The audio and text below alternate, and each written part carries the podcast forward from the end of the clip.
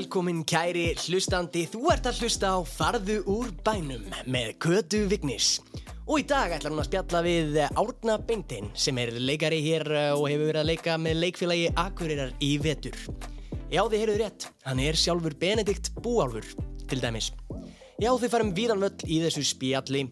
Fara á dýftina jafnvel, taka byssubásum, hver veit hvað gerist.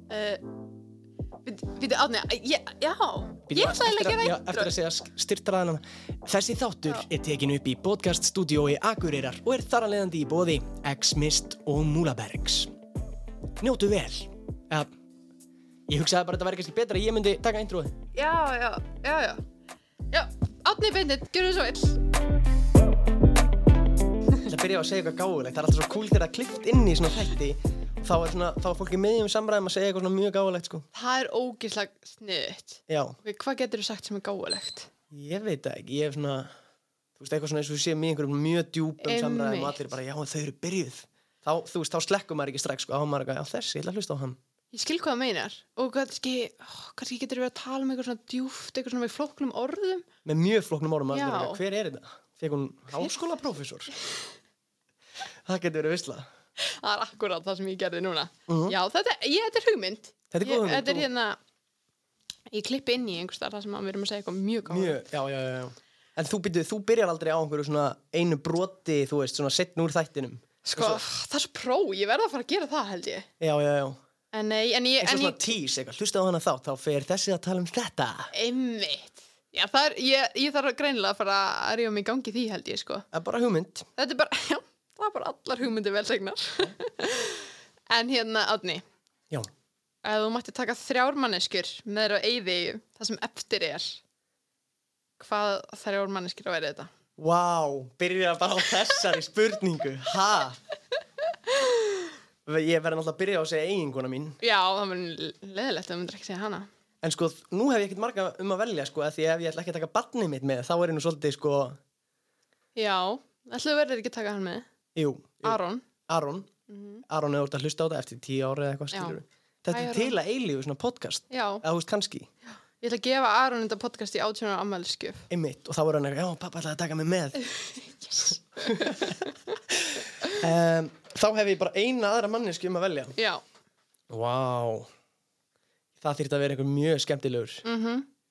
Ég myndi ekki taka, fyrsti sem kom upp í hugan var náttúrulega Villi, mikill Já, mestari. auðvitað Ég myndi náttúrulega taka Villa með. Já Veistu hverju ég er að spyrja þessari spurningu? Nei, Það vegna þess að ég fann uh, gamalt viðtal við þegar þú var svona 13 ára uh, Já, já. í einhverju blaði og þá var, þá varst að spyrja þessari spurningu og ég ætla, ég ætla að lesa upp fyrir því svarið. ok, Það væri mamma mín, ok, kærustina mína sem ég á eftir að finna mér, hún er komin í hús. hún er komin, og sveppa fyrir skemmtilegan félagskap.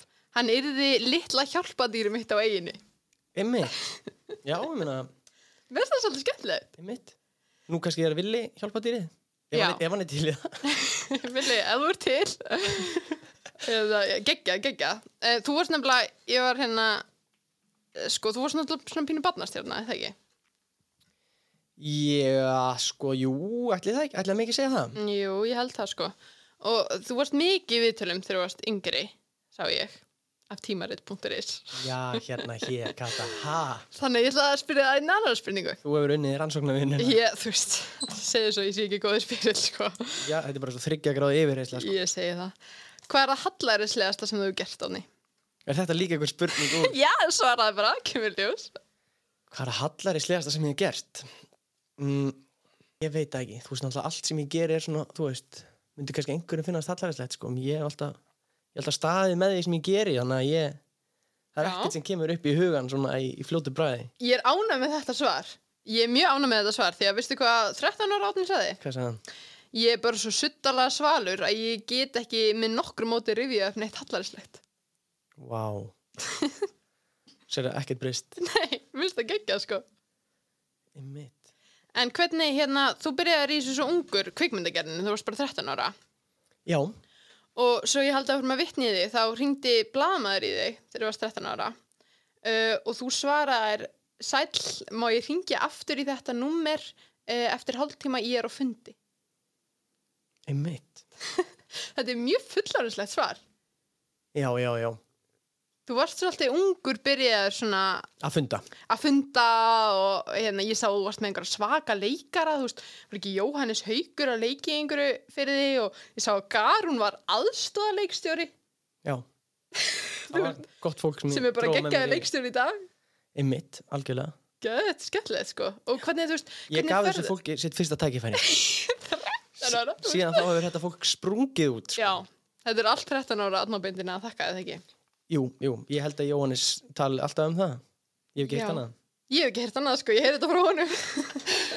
Æ, hvernig, þú veist, ég er bara svo forvitin, þú veist, hvernig ring, ertu bara eitthvað, sæll, uh, ég heiti Átni Bindit, ég er 13 ára, ég er búið stuttmynd, verður til að leggja henni? Þú hvernig fer það þessu, ertu með tím í kringu þig? Nei, ég hringdi alltaf bara sjálfur sko. Ég er mikill síma maður, ég elska að tala í síman og spjalla mm. fólki í síma og ég, ég til dæmis er ekkert mikið fyrir að senda skilabóð ef ég þarf að ræða eitthvað við einhvern Nei, einmitt. Mm, og ég hef aldrei verið hrættuð á þegar ég var lítill strákur þá var ég, ég meina, þetta var fólk sem ég kannaðist við fyrir mm úr einhverjum verkefnum sem ég hafi verið að, leika eða svo leiðis og þannig ég kannaðist við eins, eins og Jóa til dæmis og, og það var ekkert fáránlegt að, ringja hann. Nei, Þetta er náttúrulega líka áður en að þetta fólk verður svona mikla stjörnur sko. Já, einmitt, það er eins og segja, þú gafst þinn tækifærið. það er líka mjög sniðugt að bara, þú veist, vinna með fólki núna, ungu fólki og alls konar fólki, maður veit aldrei sko, svo kannski verða þetta Hollywood stjörnur og Mm eftir tíu ára eða eitthvað, Það er nefnilega þannig, sko, Ma, maður þarf að vera góðu við alla, sko, því að maður veit aldrei. einmitt algjörlega, En hérna, og, og þú veist bara, veist bara svona snemma að þetta er bara svona þitt, þitt calling. Að þú hefur ekkert mikið, mikið breyst og sért meiri leikari núna, fattar þau? Þú veist, ég er að meina svona career-wise. já, uh, nei það hefur ekki mikið breyst, það er sorglegt kannski Nei, minnst það geðveikt. Minnst það geggja. 13 árum síðar Já. Nei, minnst bara svo flott, þú veist, þú bara vissir hvað þú vild, vildir og bara ferði eftir, því, sko. maður þróskast aldrei Nei, þú veist, ég ætlaði að vera hérna tamningakona, skautaþjálfari eh, og eitthvað þrennt annað, sko. Hárgrísleikona og eitthvað. Er ég eitthvað þess í dag? Nei. ég get ekki séð það, Nei, því mér allavega ekki hárgrísleikona með þetta ár. en ég meina kannski, hver veit Já, lífið er ekki búið en þá. þetta er aldrei og seint Það er aldrei á sent. Herru, svo ég óski líka til hamingjum með þetta þegar við erum byrjað að taka upp. Til hamingjum með bæði Benedikt Ból og fullorðin, bara frábæra sýningar, takk báðar. fyrir, takk fyrir Mæli með að fólk hérna kíki, kíki á þær í, í leikúsinu. já, Hvernig er, fer, hvernig er svona þessi ferlinn búin að vera að vera inn á Akureyri að, að leika? Þú er náttúrulega verið inn áður líka. jú, ég byrjaði hérna á Akureyri í söngleiknum uh, Voru Vaknar sem við hefðum hérna 2019 og frumsyndum 2020 þannig ég hef tekið svolítið gott svona Akureyrar tímabil sko Mm -hmm. En það að er Akureyri góð, sko. Já, Mm Býtu, það er, já, auðvitað, það er hún, hún Akureyrin, Já, Já. Uh, Eyrin, já, Eirin. maður segir það. En það er hún góð, mér finnst það svolítið cool. Já, þetta er það. Ég, hérna, Kitty, uh, Króli var að mynda að segja að það var svona cool að segja Eirin.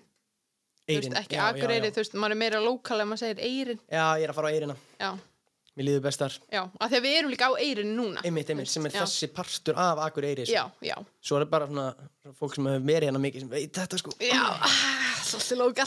Já, jú. Gægjað. Og hérna, en komstu inn í allá í fyrsta? já, ég var svo ljónheppin, blessaður. A- Að, því ég var að klára mentaskóla þegar ég fyrir hann í pröfunar, í indugubrófin í, í listaháskólan og Mm og kemst inn og það var auðvitað bara drauma stað að vera í að vita svona, þú veist, það er svo rosalega þægilegt ég átti það hálft ár eftir af mentaskóla uh, og gæti þá vita strax að ég væri að fara í leiklistanámið sérst sumarið eftir, eftir Mhm. útskrift það er svolítið svona, það er svolítið svona vinnings. Komast inn í allá í fyrsta.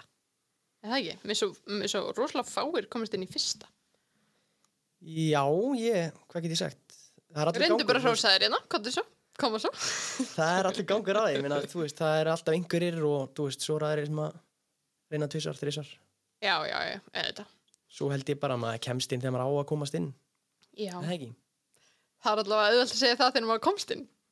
Já, já, en mér finnst eins og allir sem að kannski, þú veist, fóru tvisvar eða þrisvar, þú veist, þau gerði eitthvað geggjað Já, já, í millitíð og já, já. þróskuðust sem manneskjur og eitthvað, ég fikk til dæmis ekki tækifæri til að þróskast sem manneskja, sko, nei, en það sést það í dag. Heldur betur Alveg eins og ég þegar býð þess aldrei bætur.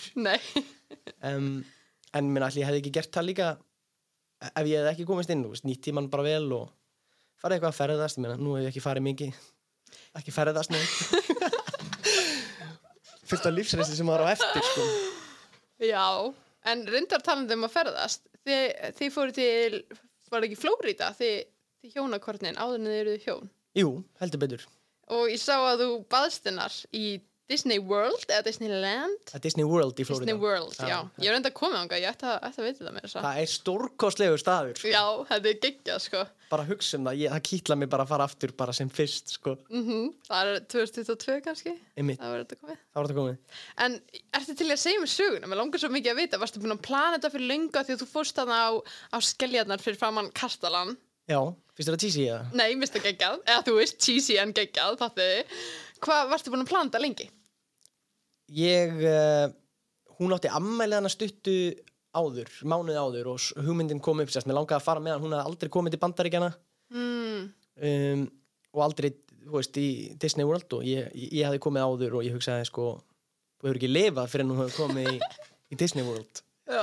Og hérna, þegar hugmyndin sérst kom upp að við færum í svona ammælisferð, ég bauði í svona ammælisferð þangað þegar ég var með fríviku í leiklistaverkefni sem ég var og viss, að ég hefði eina viku frí og við gætum farið um, um leið og ég vissi það, þá hugsaði ég, heyrðu, þetta er nú til valið tækifæri. Aha, maður fer ekki á skellana þarna, hvað gerir maður að þá? ég segi það.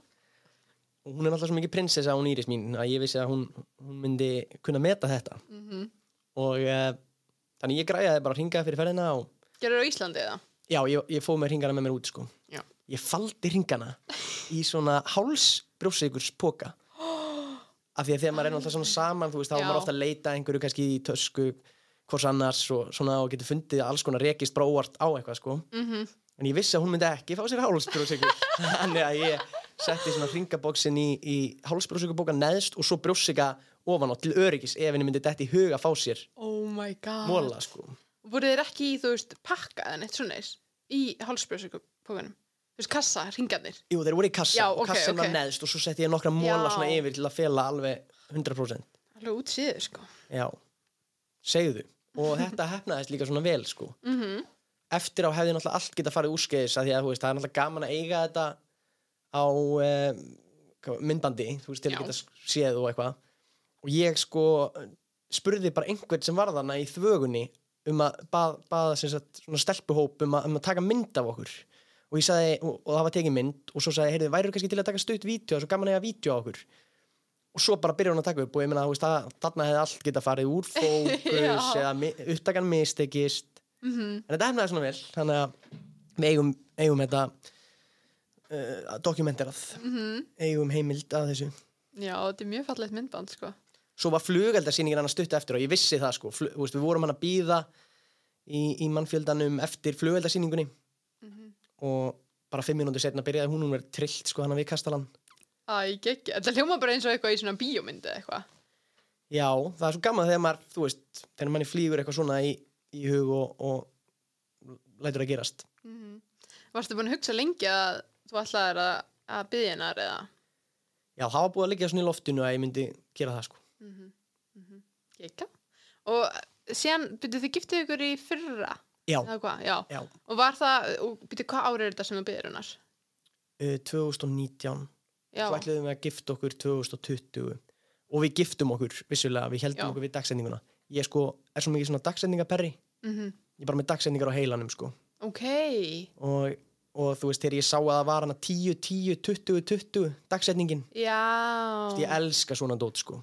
Hvað, Hvernig finnst þér 01, 05, 21? Mjög flott er, er, er hérna dölinn skilabóð fólkin í þessum dölum Nei, það er bara daginn í dag Þú Já. veist, er það ekki? jú, jú, jú, 01, 05, 21 jú. Þannig að bara svona hvort þú getur mun eftir þessu veist, þessum er degi já, já, já Hvort þú getur eitthvað haldið upp á mæ þetta eða er eitthvað. reyndar sko dagsetning sem að veist, ég hef gert eina, eina stuttmyndi sem ég gerði sem badd sko, ég man alltaf að, því, að ég, ég frumsýndan á fyrsta mæ sem að þá vikudagur en þá var frí hjá öllum þannig að það var svona eins og helgardagur í í miðri viku. Mm, þannig ég er alltaf svona um, góða, góða tilfinningu gagart fyrsta mæ sko. Einmitt, það er ástæðan fyrir þú vildi koma í dag. Já, Já. það er sérstaklega um þetta. Ok, ég til í það Svo getum við haldið upp á þetta eftir ár. Já, heldur betur, heldur betur. Við gerum það, tökum annan þátt þá. Já. það verður frí alveg sama hvaða degi það lendir á. Ég að við höfum enga afsökun. Nei, þá þurfum við kannski að fara aftur yfir málinn og Mm algjörlega. En hvernig var brúðkaupið svona í, í COVID? Já, við náttúrulega frestuðum í rauninni veislun og eigum hann inni. Við ætluðum náttúrulega að vera með veislu fyrir vinn og vandamenn sama dag. En við gerðum þetta hérna á Akureyri Ok. í lítilli bara kirkju bara með mæður okkar, viðstattar og, og örfáa Mm og þannig að við eigum þennan dag 10, 10, 20, 20 mm, sem hitti á laugadag sko. það var náttúrulega líka Vá. stór brús og við ætluðum náttúrulega vorum búin að bjóða í veislu og allt með nokkra mánu fyrirvara en svo sáum við að það stemdi ekki að geta Nei. gengið fjöldalega Mhm. en við vonumst til, veist, kannski er hægt í núna í lóksumars, við erum svona að stefna á að geta haldið smá veislu í, ágúst Já, eru þið búin að, panta sal og eitthvað svoleiðis? eða Já, þið- já, já, já, já, ok. en við erum ekki búin að bjóða, við erum svo sjáum aðeins en það lítur nú ágætlega út og Mm vonandi getum við haldið okkur við það Já, gekja, spennandi. láta ekki líða óa langt á milli en fyrir utan það bara ótrúlega gaman alltaf að hitta vinni sína á fjölskyldu og gera eitthvað skemmtilegt Já, einmitt. Það var einhver afsökun líka bara að hittast og... algjörlega, ég held nú allir séu mjög þyrstir í það að Já, hvud. mæta bara í stórt partí Já, og glæðast saman sko algjörlega, sko. Ætlið að hafa eitthvað svona fake aðtöfni eða ætlið bara að hafa betur. Já, ok, líst við þurfum eiginlega að því að, að því að hitt var lítið og fallegt Mm og svona fyrir okkur en, en okkur langar að upplifa svona aðtöfn, þú veist, það sem að hún fær að ganga inn gangin í, í kjólunum góða og Mm svoleiðis Þið verið alveg, þú veist, verið ekki með, svo- þið verið pottet með svaka kór, er það ekki? Og svona stjörnur á himninum og getur ímyndað þér ég geti rétt svo ímynda mér. ef forsmekkurinn sko, þú veist, er hvað segir maður, bónorðið Já, þá getur ímyndað þér hvað, hvað við munum gera í kirkjunni sko. Þetta verið ekki ekki, sko. Pottet. það er nú einn skemmtileg staðarind með sko litlu giftingunni, ég kallar þetta giftingu. Já, mér finnst þess að við séum ekki búin að halda brúðkaupið. Já, ég skil hvað meinar, já. en uh, það var náttúrulega bara, þú veist, á bara síðustu stundu ákvaða við, jú, höldum okkur í daginn og sko bróðir konuna minnar er prestur. Samt bara einu ári eldri en, en ég, hann er ung, ung prestur. Og, og þú veist, ég var ekki með jakkaföt, við vorum hérna fyrir norðan. Veist, Ah, ég var í æfingatímabili og, og hérna var enda búin að þetta var laugadar, ég var búin að byggja um fyrir löngu síðan var ég búin að segja er, er við getum fært til síninga og ekki eftir síningu þennan laugadag því ég ætlaði, ætlaði að gifta mig og ætlaði svo fljúa til Reykjavíkur til að sérst, hefði verið að sína sérst, kvöldi áður á föstu degi Mhm. um, þannig að ég fyr, og, og, þú veist, það var búið að fella niður síningu þetta, þe- þetta kvöld Já, ég skil. svo ég, við ákvaðum að nýta það en við vorum náttúrulega ekki menni dót þannig ég endaði að fá sko jakkafutt af prestinum og ég er bara í jakkafuttum af honum sem svona aðeins og stóra mig og svona við vorum bara að redda þess að síðustu stundu sko. Æ, það er eitthvað fallegt við það. já, en ég ætla að reyna að vera í mín megin jakkafuttum í, í brúðkaupinu Já, það er, það er ágætt plan allavega. já, ég ætla svona að stefna það Já, svo sjáum bara til hvað gerist. Já. Mm Ætlið að hafa hundar sem kom með hringana? Eða þið verður alltaf með hringana, áttum- að taka það? já, sko við áttum lítinn hund sem er nú farin frá okkur Ok. við vorum alltaf búin að sjá fyrir okkur að hann myndi koma inn með, með ringana Mhm. en kannski batnu okkar núna nú Já. er hann alltaf svo stór, hann var svo lítill þegar við giftum okkur sko. hann getur kannski komið hlaupand inn verið ringaberi, Já, það verður mjög. Algjörlega. ánga til við fáum okkur hund Já. Ó, ég elska hunda. já, þeir eru geggjaðir sko Mm hundamanniska, Já, já, algjör hundamannskja. En hérna, sko, þú býrð í Reykjavík og ert hérna, er einhver, einhver stefna á flytja til Akureyrar? Myndir eitthvað gera það eða? Ég segi nú bara sem fyrst. Já. það er nú það sem ég hef Og alltaf sagt. berjum í borðið. Já. Ég náttúrulega fekk uh, að búa hérna í, í vetur eða sérst uh, var ég nefnir svolítið langan tíma í einu. Um, þegar við vorum að æfa þessar sýningar þú veist, þá, þá leiði ég hér íbúð á Akureyri í rúmlega, rúmlega hálft ár. Ok, vorum hérna öll fjölskyldan. Já, já, já. það er eiginlega bara núna sem ég er aftur komið annan fótinn uh, til Reykjavíkur. Eftir að við, þegar við erum bara sínum helgar af því að fjölskyldan okkur og vinir eru þar en okkur leiður rosalega vel hérna og maður veit aldrei. Það Maður er áfram að koma svona mörg skemmtileg verkefni veist, þá skoðum við það. Já, ekki. Hvað gerur þú í vikunni meðan þú ert í Reykjavík og ert að sína hérna um helgar? þá sinni ég bara svona alls konar fjölbreyttum verkefnum. Ok, ég er náttúrulega, þú veist, ég er náttúrulega frá fjölskyldunum um helgar af því ég kem yfirleitt einn þegar ég er að sína mhm, bara vegna að ég myndi ekki hafa neitt tíma með þeim og þá, þá skýst ég einn hingað og síni þannig ég sinni náttúrulega sinni mínum og eiginkonu og, og talsett mikið teiknimyndir og, hljóðbækur.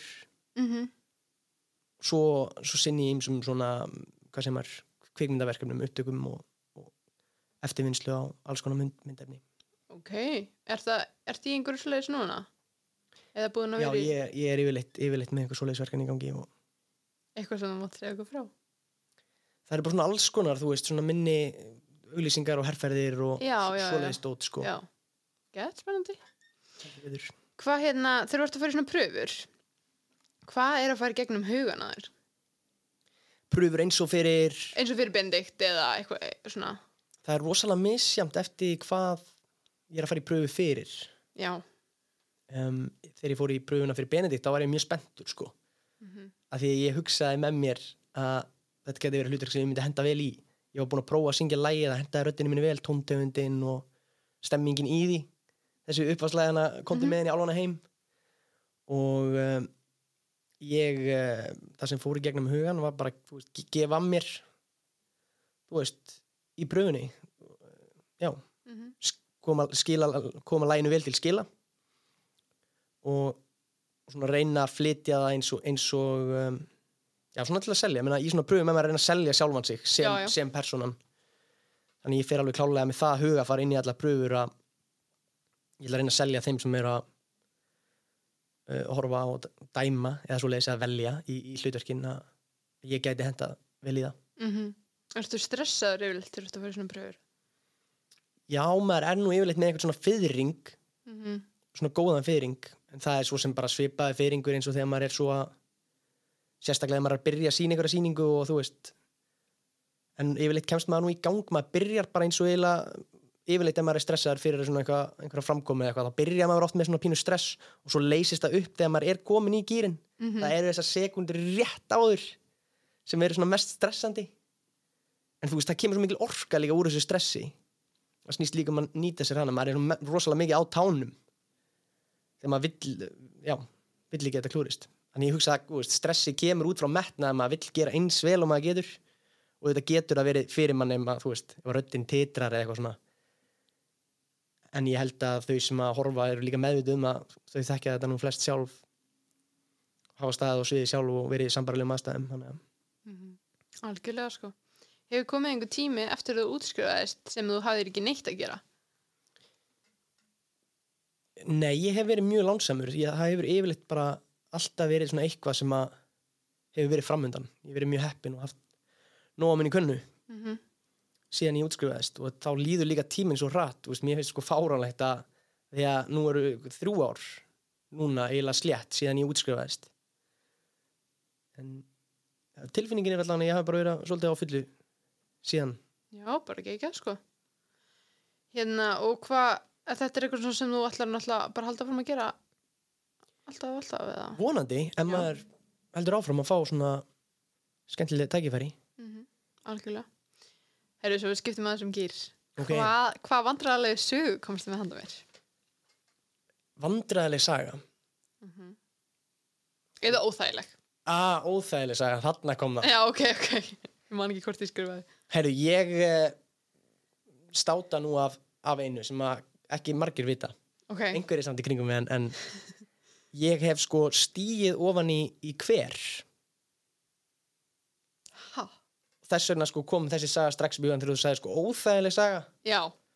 vegna þess að ég var í svona götuleikhúsi eitt sumarið. Mm sumarið eftir eftir að ég útskrifaðist úr, úr mentaskóla áður en ég byrjaði í leiklistanáminu og þá erum við svona hópur og við erum í alls konar svona gjörningum, þú veist, þú ert að labba kannski um bæinn og sérð hópa af einhverjum furðu verum og við vorum rosalega mikið að vinna með svona uh, málingu, svona andlitsmálingu máluðum okkur hvíti framann og vorum í öllu hvítu, svona hvítar verur sem hreyfðu sér hægt. Mm.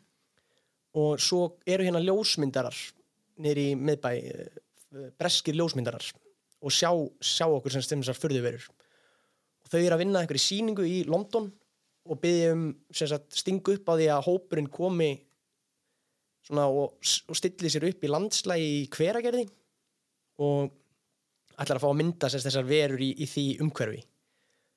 Og þanga förum við hópurinn og þau taka myndir. Og ég er eitthvað svona kann aðstæður og eitthvað svona, heyrðu það værum kannski svolítið flott eða litið svona út eins og við varum að koma upp úr þessum hver hérna.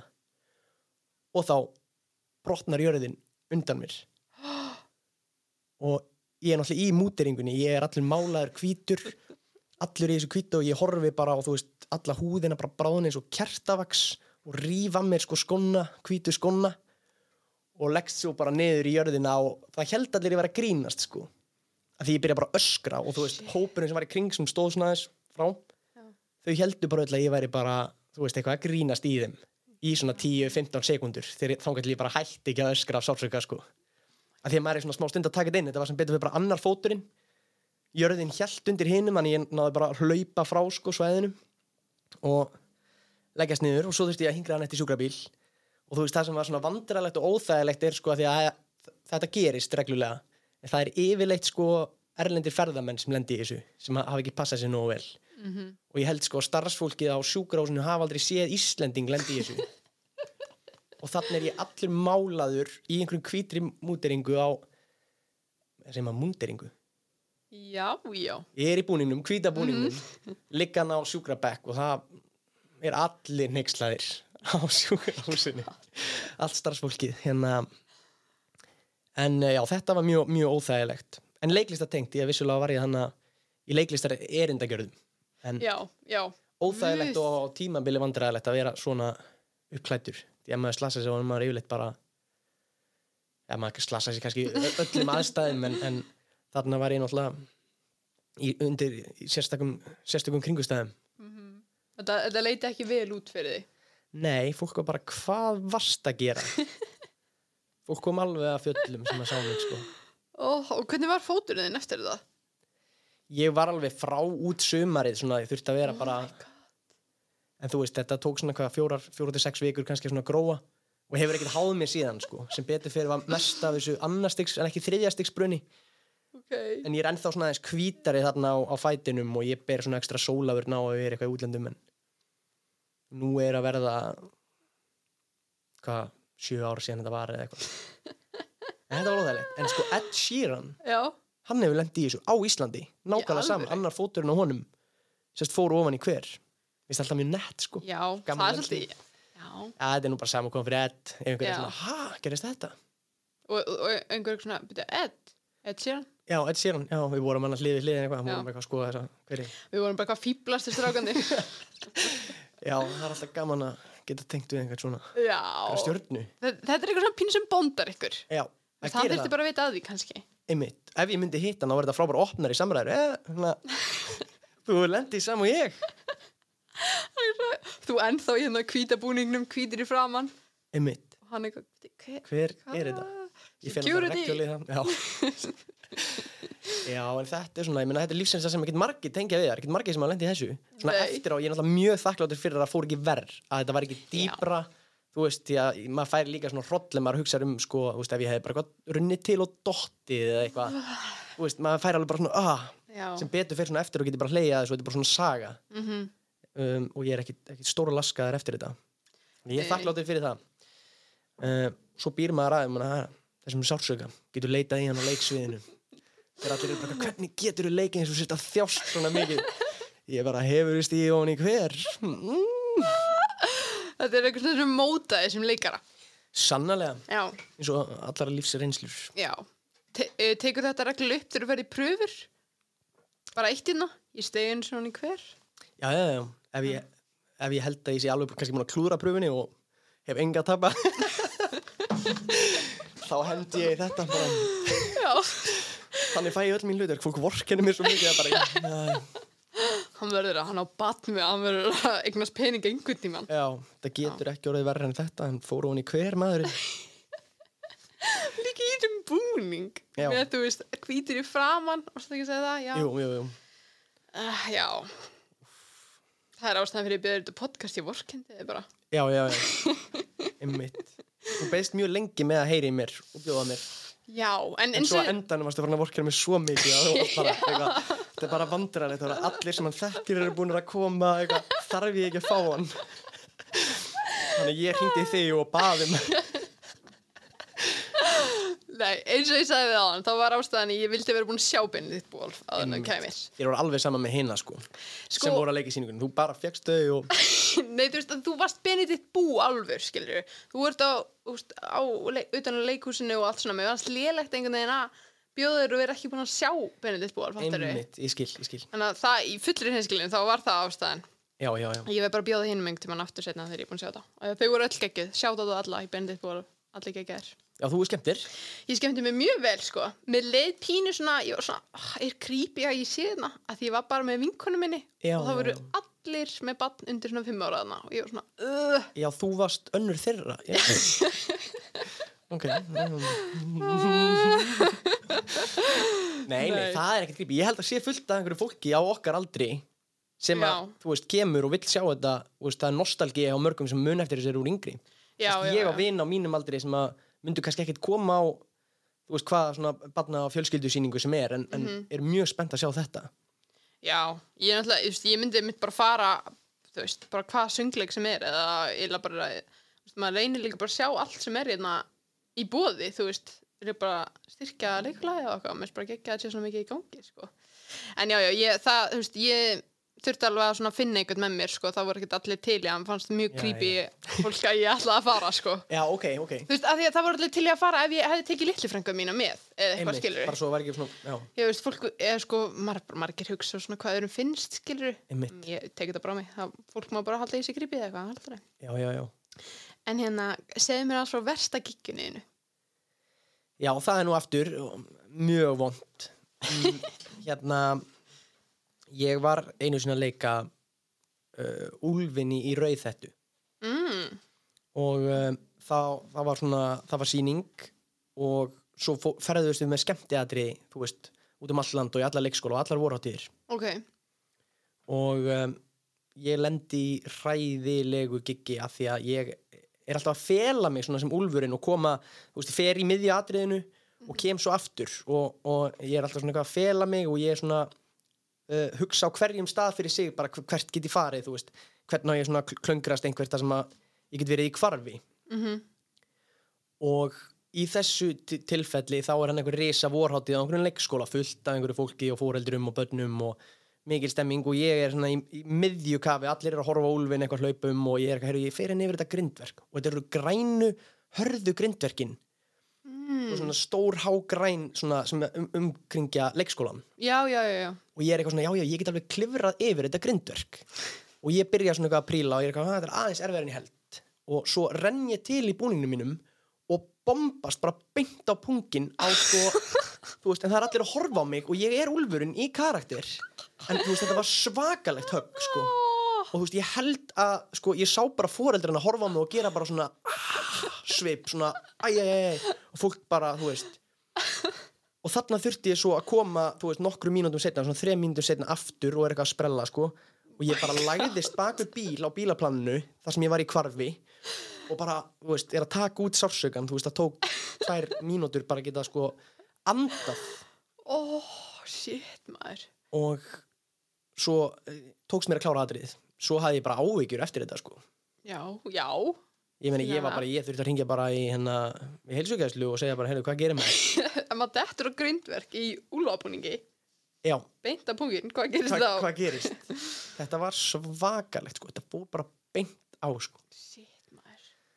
Um, það er líka mjög erfitt og ég meina eins og þú veist, þegar maður er í þessum svona skemmtanabransa í leikhúsi eða eitthvað, ég meina maður þarf að halda áfram eiginlega sama hvað, ekki nema bara stórslasið mm og þarna klálega gerði, þurft, veist, þurfti ég að gera það á gata sem betur fyrr. Show must go on svona er, er líf okkar okkar skemmti kraftana já, þetta er ekki tekið út með seldinni. Nei, þetta er eintomt hörðvinna og, og erfiðleikar. já, en spólandi dagsins í dag, já, barni í dag. Já, ég ætla, ég það var nú er allir bara svona hm, hvernig? Er er hann eitthvað það líkur um Þetta er alltaf svæði, hann er bara líkur í þessi. já, emitt, emitt En þú skýrir hann beintið til að fólk myndi örugla halda hann með já. svonuðinn. jú, algjörlega Þannig að koma á staðinn. já, Jésús. Og voru krakkarnir eitthvað að spá í þessu eða sáu þeir þetta eitthvað? nei, nei, nei, nei, nei þeim gat ekki verið meira saman Nei, það er gott. Fljótur að þau gleyma. voru bara fegin að úlverinn rann eitthvað til Já, bara yes, Úlfurinn myndi sig. Þau eru bara að halda að þetta væri sko partur af programmet. já, að ég myndi alltaf gera það þetta, það myndi ég ekki gera nei, Mm, ef þú verður ekki með neyn önnu störf, enga, engin verkefni, þetta verður sýningin sem þú þurftir að gera og þú þurftir alltaf að gera þetta í hverju sýningu. myndir taka því? Ekki spurning. Ekkert annað. Ég veit ekki, maður þýtti nú að meta það svona, þú veist. Já, Kannski núna, því ég, þú veist, ég komin með, með eitt barn í hús og hef... og myndir þú samt fornaðir? Nei, með, já, ég veit ekki. Bara segja, ég er átni fucking bindit, gefur mér eitthvað betra. Já, ég er enda, já, mér fannst mjög gaman, sko, ég held sé góður í svona, á svona skemmti, hvað segir maður, í svona skemmti atriðum. Mm Mér finnst mjög gaman að skemmta á svona þátuðum og svona. Já, Er það skrítið? Nei, það er bara Nei. mjög gaman. Af því maður getur verið svona, þetta er ekki alveg svona eins formfast að vera á sviði og fylgja einhverjum. Maður er svona þess að spinna, leika sem aðstæður, leika sem með áhórendur, Mhm. krátið, lesi í svona hvernig fólk er að taka í hlutina og stundum getur maður verið eitthvað svona sprella og... svona meiri, meira rúm fyrir spuna, þannig að. Já, meir, já. algjörlega. Mm. Og ef maður er að gera það mikið, þú veist, þá komin svona alls konar litli brandarar og svona dót sem að eru bara svona hlutaði að geta verið svona spot on á staðnum og sagt eitthvað fyndið og Mm sérstaklega gaman ef maður er svona einhver persóna líka sem er svona ódreinilega eins og úlfurinn svona pínur svona grallari þú veist, kannski er, ég veit það ekki. Ég hef til dæmis ekki skemmt mikið sem Benedikt búálfur, ennþá, en vonandi fæ ég tækifæri til þess í sumar þegar það verður einhverja vorháttíðir eða sumarháttíðir eða svo leiðis Já, akkurat, þannig að þú komir þá í rauninni inn á þær með eitthvað svona, já, ef Já. hann komið kannski og syngi lag eða eitthvað slíkt eins og það geti gerst. Já, það verður náttúrulega geggjað, sko. ég held að hann væri tilvalin í það og segja kannski einhverja sögur og, og jafnvel díti með Já, einhverju tilfellum og þau geti tekið þá saman einhver, einhver lög og algjörlega, sprella sko algjörlega, það er, það mjög, hérna, mjög örgulega skemmtilegt og Þórtir náttúrulega geggjur sem Díti, ég hef búin að segja við hana, en vákvæm var flott. Já, algjörlega, algjörlega. Algjörlega. Já, ég held að, þú veist, ef það er einhver hérna batna úti hátíðar að hlusta, þá bara mælum við með þessu. Einmitt. Það verður mjög sniðut. En segðu mér, hvað finnst þér vera svona versti, versta svona típan af áhorfenda í, í sal? Sko, nú hef ég verið svolítið svona, í, í eh, barna og fjölskyldu verkum og sönglíkjum Mm og þá finnst mér eiginlega versta típan típan sem pyrrar mig mest er, eru svona kannski sérstaklega foreldrar sem er í símanum á sýningum. oh, Ég held sko það er alveg svona þú veist sem að bara gera það á þess að skamma sín. Og ég segi bara skammist ykkar. Ég segja það með hann. það ekki? Jú, ha, Ég, jafnvel eitthvað svona tjekka eða eitthvað svona skrolla þú veist að því maður sér það út undan sig þegar maður er að leika maður er bara svona, jæja, herru ég er nú samt að gera svona mitt besta sko. Mhm. það er kannski ekki nóg fyrir þetta fólk hvað veit ég. En já, en, en, það minnst það algjör dónaskapi líka þegar, þú veist, maður sér alveg ef maður er upp á svið og einhverju með síma, þú veist, að því að það er svona yfirleitt dögt í salnum og maður sér alveg ljósin, skilur einmitt. Æ, já, þetta er sem betur fyrir þetta nú ekki mjög algengt sko en þú ert kannski að spyrja um vestu típuna. Já, sem betur fyrir þetta sjálfgeft hvernig mm. lendur í þessu síðast? Nei, sko bróðirinnar Dísu gerði þetta nú hún sá það sko, ég tók ekki eftir því sko þá voru við að taka henni eitthvað flautulægið og hún var bara, hún var að hugsa um að benda eitthvað á hann sko í læginu og segja hvað þetta gera Mhm. en, en hérna hann var sem, þú veist, það, var hliðið var nýbúið sko, Ok, honum til varnar já, já, já ef hann er að hlusta á þetta sem hann væntanlega gerir um, þá hérna já, nú man ég ekkert, hva- ekkert hvað vorum að tala um. Jú, síman, já, Já, já, en svo, svo held ég að hann hafi nú ekkert verið í honum svona eitthvað á sýningunni sko. Nei, nei, emitt, emitt Hvað Mhm. er hann gamall? hann er í fullorðið maður, hann hefur sér ekkert til mig. En það er kannski líka, þú veist, að, þú veist fólki sem kannski kemur með krakkana sína á svona sýningu Já, og heldur svona, eða svona, þetta er fyrir krakkana. Eitthvað svona, og er svo bara sjálft eitthvað svona í símanum eitthvað, já, ég er bara fara til að leifa krökkunum mínum að horfa á þetta, emitt svoleiðis sko, Veistu hvað þau ætti að gera?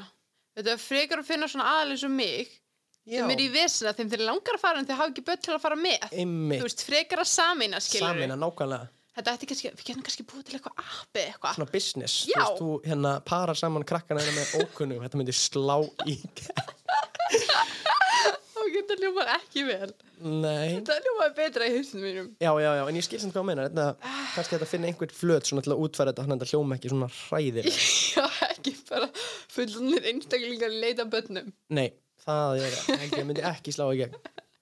En voruð þið eitthvað svona að reyna að hanga utan í einhverjum svona börnum til þess að leta út fyrir að það væri með einhverjum Nei, en ég reyndar hitti litli frængu mína í hlénu sem var mjög hendugt. Já, gæst hann að spjalla við hana. Gat spjalla við hana aðeins. Svo spurði hann eitthvað, með, með hvaða barn ertu? Þú? Bara, Ég er, ég er að fara. Sjáumst Nei, nei, þetta var nú ekkert vandrarlegt Þetta var bara, bara mikið stuð, sko. Já, En já, já, það er áhugavert, sko. Það er, það er leiðindi að fólk sé í símanum, sko. Æ, já En, ég hugsaði líka, skilur eitthvað svona, er pirrandi eða er, þú stundum með kalla eða svona börn eða eitthvað, en svo finnst mér það bara ótrúlega krútlegt. Já, einhver börn lifa sér svo mikið inn að þeim finnst þau bara vera komin inn í leikritið og eru bara að taka þátt, mhm þá er það eiginlega bara krútlegt að pirra mig ekkert, mér finnst það ekkert óþálandi árandi. Ég var það nörglega, sko, hef heyrt sögur að því þegar ég fór fyrst skiptin í leikús, kannski fjóra-fimm ára eða eitthvað og maður bara passaði betur bann, eitthvað koppi klói bak við þig, hann er bak við þig. og svo er oft í þessum verkum, þú veist, þá er eitthvað svona, hvar er hann? Og þú veist, og, svo, svo er einhver að fela sig á Já, bak já, við já. persónuna. Þá var ég sem krakki bara, hann er bak við þig. Já, gott að vera fólk við Já. En það er svo krútlegt þegar fólk veist skilja ekki, skilur og þau eru svo innilega að reyna að vara þau við því að þau vilja ekki að þú lendir í hættu Einmitt, það er mjög fallegt. mm Og það er ekki óþálandi áhendur. En ekki Nei. það ég sé að hvetja þau sérstaklega til að hafa hátt. Nei, nei, En, einmitt en ef það gerist í hita leiksins, þá sýnið þið fullan skilning. mm Já, það er bara gaman að því, sko En hvað hva er svona skrítin skilabóða komment eða eitthvað svona hefur þú fengið Já, gegnum tíðina? já, ég hef nú verið beðin mýmislegt. En Já. það stendur nú kannski líklega upp úr að um, bæði er í beðin um að, taka þátt í alls konar verkefnum sem leikari og eða, þú veist, koma fram og syngja eða eitthvað. En, en svo er ég líka beðin um að taka upp Já, verkefni og taka mér svona myndbönd. ok Það höfðu nú einu sinni, hvað nú bara kannski ár síðan, að Ok. hafði við- sambandi með fólk sem var semst hérna svolítið trúað. Og þau vildu sem sagt uh, höfðu semst aldrei stundar kynlífa því að það, það er ekki þeirra trú fyrir hjónaband. Og þau voru semst að fara að gifta sig og þeim langaði svo eiga myndband af semst brúðkaupsnóttinni. Og vildu fá einhvern svona þægilegan í það verkefni sko. Og voru að spurja hvað myndi taka fyrir slíkt. Og semst tóku það fram ég þyrfti ekki að, að, að, ætti ekki að vera inn í herbygginu geti bara kannski stilt upp svona brúk, í brúðkaupsvitunni á einhverju hóteli sem þau ætluðu að leia og svo klippaði þetta kannski saman eitthvað fyrir þau og skilaði saman og þannig ég fór bara í verðskrána mína og, og hérna sagði náttúrulega sjálfsögðu bara hvað ég tek svona venjulega fyrir að gera eitthvað svona og Einmitt Háðu þetta hreinu bara? já, þetta var kannski svona alveg sérstaklega svona undarlega beðni finnst mér Guð minn góður. Já, þetta er hérna, sko, líka að einhvern veginn fara frá því að sko stunda aldrei kynlíf yfir í að búið til kynlífsmyndband. einmitt Það út af fyrir sig er áhugavert stökk, sko. þau tóku það fram að þetta ætti samt bara að vera svona fallegt og þú veist Já. var kannski, Þau voru ekki verið að setja þetta inn OnlyFans eða eitthvað. nei nei nei þetta var bara fyrir þau til að eiga momentið sko Já, og hvernig gekk það verkefni? Herru, ég get sínt, nei, ég hef ekki sínt mörgum með það, en nei. Þú hefur, þú hefur ekki tekið því, sem. Nei, ég bara því miður var upptekinn. Þetta var bara akkurat Akkurat upptekinn. þetta kvöld komst Já. ég ekki, svo að, Þú gast ekki sofið þetta kvöld að þú varst, þú veist, á næturvakt einhvers þar annar staðar, hann Já. varst bara mjög upptekinn. mjög upptekinn. Já, hérna- þetta var, Þau kannski hafa bara græðið þetta sjálf með einhverjum þrýfætti eða eitthvað. já, finnst bara skrítið að það sé ekki fyrsta, þú veist, bara taka iPhone-in eða eitthvað. Já, maður veit ekki, sko. Það eru, eru mismunandi beðininar. Veistu hvað þú voru tilbúin í að borga fyrir þetta? Nei, að því ég saði þeim ekki verð, þau sögðu bara, Já. ertu með. Og Hvað sagður bara? Nei takk, bara ég tek ekki til gammir eða? Já, ég lítið í svona verkefnum, sagði ég. Já. Ég er svona þess að minka þetta núna. um, Ó, ok. En hérna, er fólk mikið svona senda þér skilabóð á Instagram eða eitthvað eftir svona, þú veist, eins og Bendit Ból sýninguna eða eitthvað svona, ertu eitthvað að fá frá svona ókunnum einhver skilabóð eða? Nei, mjög sjaldan sko Ég fæ Já. mjög lítið af svona skilabóðum sko. Ok, gerist ekki svo frægur. Það, ég er oft í kringum eitthvað svona leikar og það er fullt af fólki að senda mér hérna. Ég er að sína allir eins, og þetta fullorðin sýningar á, á, á því þá, þá fá Birn, Birna og Villi fá fullt af skilabóðum frá einhverju fólki. Ég, aldrei neitt. Já, mjög sjaldan. Ég, er hérna, En ég náttúrulega er ekkit rosalega virkur á samfélagsmiðlum sko, sjálfur sem persóna Ég veit ekki hvort það spilar inn í svona, En mér til málspóta gæ, gæti verið útskýring á þessu samskiptaleysi ég held það sko, ég meina maður er ekkert mikið að, þú veist, followa fólki að senda fólki eitthvað sem er ekki virkt á samfélagsmiðlum eða þá er maður bara svona munið, munið sjá þetta, munið, Einmitt. það hlýtur að vera ástæðan. Já, það, það held ég líka að það hlýtur að vera ást Nei, nei, það, hún, það er það, það er það, það er ekki spurning, sko. En einstakar sem við fæði hrós eða eitthvað fallet Minna þá þykir mér að ég svari yfirleitt svona, þú veist Yfirleitt flestu sem ég fæ. Já, Þú veist, eða kemur, koma kannski ein skilabúð kannski á þetta mánu að fresti Það er bara svona, já, nei, nei, ég held líka að, þú veist, maður, maður hugsar svo oft, en þú veist, líka bara svona, ok, eins og þú ert aðalpersonan í bendit skilur við, maður, eða skilur við allavega, þeir eru nú nokkur sem eru svona aðal, en já, titil hlutverki, og hérna, og þú veist, maður hugsa svo oft bara svona, æ, ég nenni ekki honum, þú veist, hann er örgulega hvort þið er að fá fullt, þú veist, ég held að Íslendingar hu- hugsi svolítið þannig, sko, Mm. Og meðan siti ég í búnisherbygginu mínu Og fæ ekkert. Nei, þú veist, maður er ekkert mikið svona og líka bara Íslandingar eru svona vand og örgulega bara fólk, sko, en þú veist, ég er alltaf að segja Íslandingar í þessu podcasti en örgulega margir, sko, þú veist, það er svona ég svo sé hann bara í bónus og þú veist, þetta er svona, að, ég veit það ekki, Einmitt við heldum við séum pínu vandræðileg með svona, sko, Já, já, já Reyndar núna með þessa grímur, sko Maður þekkir náttúrulega ekki sálu, sko nei, guð, maður er bara hæ, giskandi hægri vinstri, sko, Já. þetta er alveg, já, já, þetta er svona, en, en vonandi verður það, hérna, eh, vonandi verður það búið bráðum, held ég. Heldur betur Mhm. Má ég taka pissupásu? Herru, gjör svo vel, endilega. Sko, ég er náttúrulega búin að þamba svoleiðis vatn í dag Herru, velkomin aftur eftir pissupásu. Já, takk fyrir Ætlar að hafa, ok, ekki þetta beintin þetta Láta alltaf vita að ég fór að pissa Nei, við sjáum til. um, Er það ekki bara skemmtilegt? Fólk, ég meina, þetta er grunnþörf, þá þurfum allir að pissa. Já, já, einmitt Svo tókum við pínu spjall á milli og ég það næstu því aftur að pissa núna Í alveg, viltu vera að pissa? Nei uh, Þú mátt það. Ok, á ég að gera það? Ef þú þarft að pissa, þá máttu það, þetta er ekkert stress. Ok, vá hvað þetta fyndi Færðu bara að pissa, Ég er að liðið betur með það. kaffi, sko Ég er bara að hugsa um hana að ég geti bara einbeitt mér, sko, í loka kaplanum bara Gerðu það. Kannski fyrir ég að pissa líka, allavega. Tökum aftur pissupásu. Ok, Við bara hlustundu mínir. Jæja, þá erum við mætti aftur eftir pissupásu 2. Jú, Þau eru komin aftur hérna í podcaststudio á Akureyrar Herðu, þú varst að segja mér aðan í, í pissupásunni að þú voru ótrúlega lélur í að halda andliti. Já, ég er það, sko Ég veit ekki hvort að fólk sem ég er að vinna með núna, sko, veit það að þetta hefur verið mikið vandamál svona gennum tíðina, sko um, Að ég hef alltaf, veist uh, haft mjög gaman að svona gríni og húmor, sko Mm. um, og alveg frá því að ég var barn svona hefur það svona verið svona pínu rauði þráður en kannski ekki beint svona út á við en svona þú veist í mínum nánasta hópi og svona þegar ég verið að gera eitthvað svona veist semja sjálfur leikrit eða skrifa eitthvað texta eitthvað svona er ég mikið svona að hugsa hvernig, veist, hva, hvernig grín myndi virka sko og hvaða grín myndi hitt í mark Mm. Svo byrjaði ég sko þú veist bara að- hlæja rosalega mikið og ég man þegar ég var alltaf í mentaskóla allt- í leikfélaginu alltaf við hennar herranót í, í MR og þú veist, þá var ég bara að byrja að hlæja svo mikið á sviðin og það mér fannst svo fyndið. Ég, ég veit ekki hvað er, bara vera einhver annar og setja koncept, þó, að ég væri- ekki einu sinni grín, þannig ég byrjaði bara að missa andlitið, bara alveg stanslust út af að mér fannst þetta bara svo fyndið.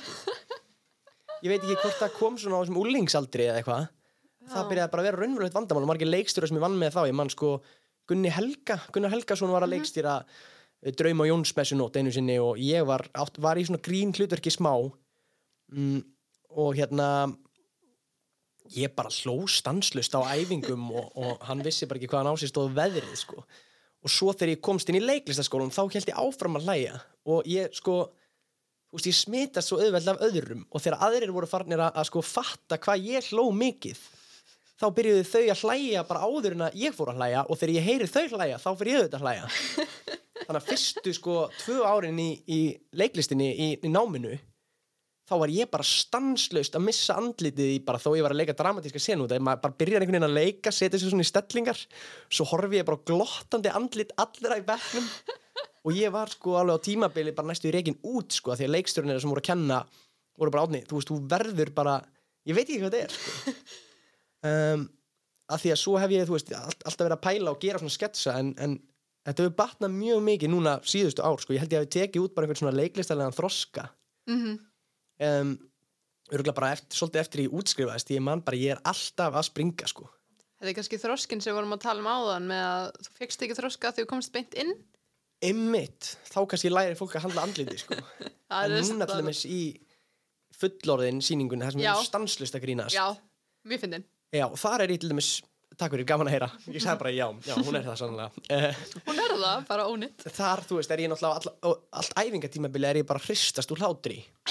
Um, án þess að það sé samt vandamál þá sko, svo svona smám saman er ég búin að læra núna á, á sýningum, þú veist, að halda andliti, en það er svona moment í sýninguna sem við springum eiginlega öll, veist, það er líka svona trikk, maður verður bara 100% að einbeita sér að því að vera sko persónan sem maður er að leika, út af ef maður fyrir út fyrir persónun og fyrir að hugsa um hvað við erum að segja bara sem, sem maður sjálfur, þá fyrir maður að hlæja því að, að þú veist, Mhm. ástæðan fyrir þeirri sýningun er að því að okkur fannst þetta upprunalega fyndið og finnst þetta, þú veist, eitthvað sem að við höldum að, þú veist, geti virkað sem grín. Mhm. Þannig að þetta er mjög fín lína, maður bara getur mist einbyttingunni í augnablík og þá fara að hlæja, sko. Það er líka mjög erfitt að horfa í augun á samleigurum sínum án þess að fara að hlæja og við gerum alveg viljandi, horfumst ekkert mikið í augu. Mm. Nú kannski te- tekur fólk eftir því sem á eftir að sjá eða kemur, en, en þú veist, þegar við erum í sem mest fyndnum atriðum, þá getum við ekki hort á hvert annað. En áreiti kannski taka ekki eftir því, en það er svo við missum ekki andlitið af því að þá bara fyrir allt í ykkur vittleysu. Það er svona ógustlega krútlegt líka bara að þú veist geti ekki hort á víni sína að það fara að hlæja. Það er svona eitthvað skemmtilegt við það. E, já, það, það er það sko. Mhm. En svo leifum við því stundum að gerast svona næstu því viljandi en þú veist, það kemur samt sko náttúrulega, þú veist, við erum ekki að þvinga fram en það er atrið í fullorinn það sem við missum oft andlitið og ef það gerist þá bara tökum við það inn og, leifum því að gerast. Mhm. Það er náttúrulega alveg fáránlegt, aðstæðuna sem við setjum upp og Já, já, já.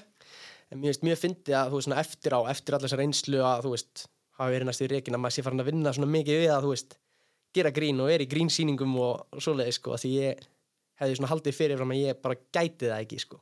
Ég myndi bara hristast.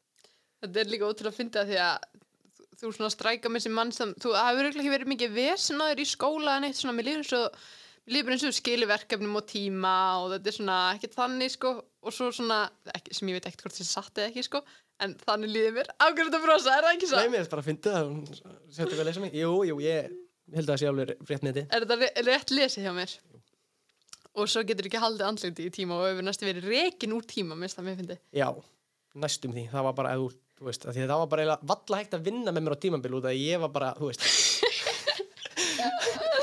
leika, þú veist, einhvern, bara út á gólfi, skilur í, í einhverju senu sem áttu að vera að lendi í einhverju. Mm Þú veist, þá setur maður ofta upp eitthvað svona svip, sérstaklega þegar maður er að byrja að leika og svona þjálfa sig í leiklist eitthvað, maður setur upp eitthvað svona svip, eitthvað, "Ó, ég er þessi, eða eitthvað. Mér Já. fannst það bara svo fyndið að vera að leika. Svo þetta er náttúrulega ógeðslega fyndið grín. Já, Þú veist, maður er manneska bara vinnur við að leika eitthvað annað fólk, þú veist, og er í einhverjum fáránlegum búningum oft og mm háfullur að maður. háfullorðið maður, Já. 26 ára gammal, sko. Algjörlega sko. Það var enda fyrir aðeins inn í aldurinn. Úff, ég vissi að það myndi að segja þetta. ég fann það á mér. Ég finnst þið gammal.